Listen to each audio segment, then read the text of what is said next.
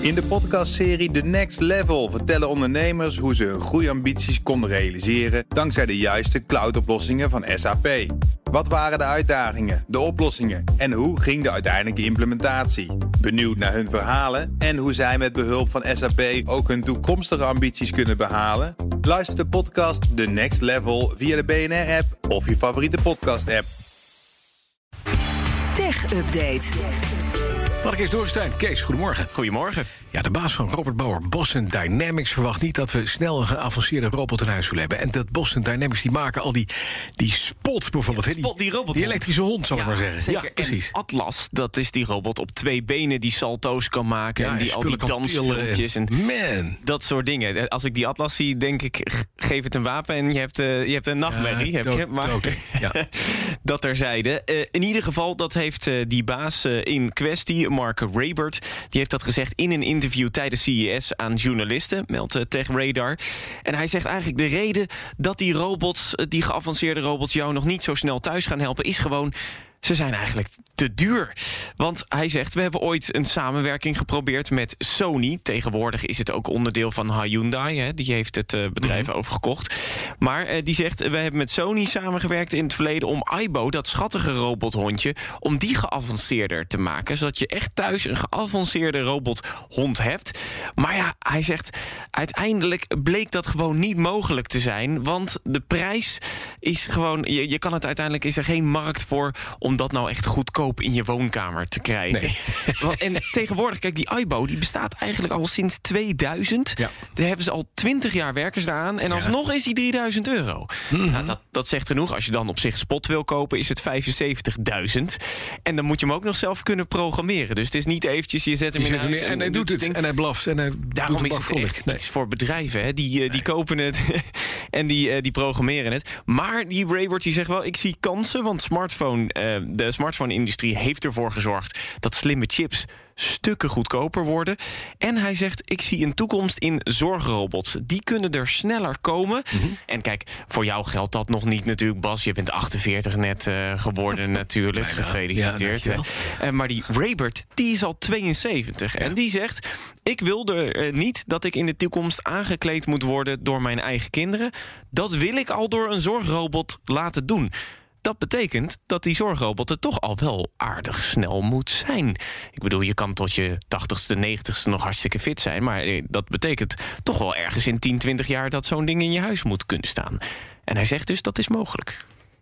Ik ben het even aan het verwerken. TikTok, aangekleed worden door een robot. Maakt hij Nou ja, foutje. liever door een robot dan door je kinderen, toch? Daar weet je toch ook niet mee helpen. waarom? Waarom? Dat vind ik veel, menselijker. Of door een verpleegster. Ja, dat, dat kan ook. Maar je kan ook door een verpleegster en dan een beetje geholpen worden door een Oh, dat- natuurlijk. Hè? Ja. TikTok heeft een deal gesloten... waardoor zelfs niet-gebruikers de app overal zullen zien. Ja, dat is toch wel erg. Ja, eh, bedankt. denk ik. Ja, ja.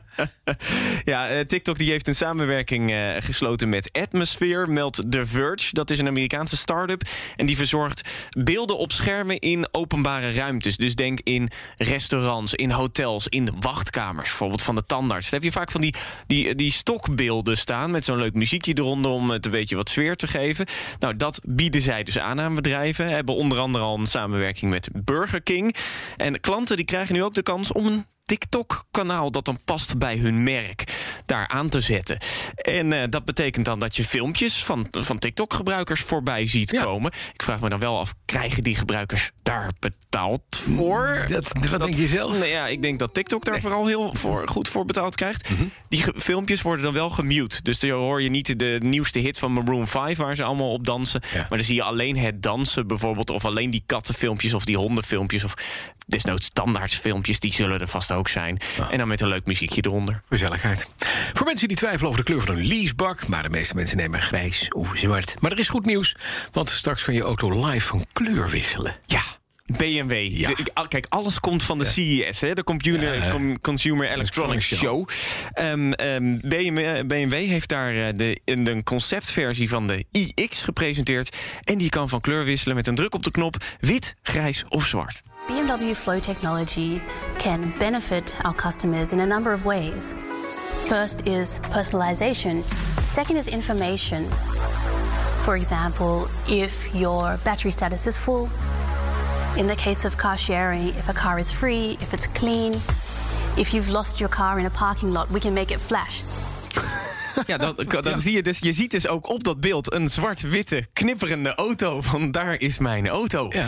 En dat is eigenlijk, dat- dat werkt doordat Handig. ze miljoenen mini-capsules hebben. Die hebben een dikte van een haar. En elke capsule die heeft dan een negatieve of een positieve lading. En daardoor wordt die wit of zwart of grijs. Want je kan natuurlijk een klein beetje lading geven. En dan kan je dus ook aparte gedeeltes. Je kan ook race-strepen op je leasebak. Ja, je kan het niet de, doen. de maar- bumpers donkergrijs. Of je kan dan het lopend laten, laten van wit naar grijs. Ik heb, ik heb het allemaal gezien. Nou, exact. En, en, Maar wat wel goed is, stel nou dat je in een woestijnland woont. Hè? precies. En het is daar knetterheet overdag. Dan wil je dat zie je dus ook, een witte auto hebben. Exact. En, Maar eh, s'avonds wil je de blitz maken met een zwarte. Ja, en als je dan in Nederland rondrijdt, kan je dus bijvoorbeeld ook een zwarte. Want ook dat scheelt dan ook weer accugebruik. Zeker als je auto te heet wordt, verbruikt je accu meer. Dus dan kan je hem weer wit maken, bijvoorbeeld. Nou, BMW zegt, in de toekomst kunnen we dit met alle kleuren doen. Ja, ja. Maar het is een conceptauto, dus ze zeggen natuurlijk niet wanneer deze techniek Nee. überhaupt op de markt komt. Het zal ook best prijzig zijn. Maar stel dat je straks zo'n auto hebt... en je kan dus ook elke dag van reclame wisselen. Je kan s'morgens wegrijden van huis en BNR Nieuwsradio even reclame maken. En dan smiddags zeggen van nou, dan doe ik nu voor de lokale bakker iets. Dat wordt- hartstikke goed. En je kan er ook gewoon een heel groot eikel op zetten... als je iemand tegenkomt op de snelweg die je niet mag. Gewoon Die aan de ping, bumper kleven flash het op je bumper.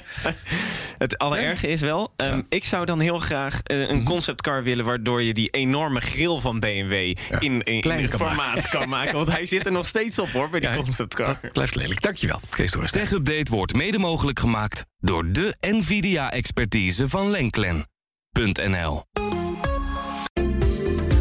In de podcastserie The Next Level vertellen ondernemers hoe ze hun groeiambities konden realiseren dankzij de juiste cloudoplossingen van SAP. Wat waren de uitdagingen, de oplossingen en hoe ging de uiteindelijke implementatie? Benieuwd naar hun verhalen en hoe zij met behulp van SAP ook hun toekomstige ambities kunnen behalen? Luister de podcast The Next Level via de BNR-app of je favoriete podcast-app.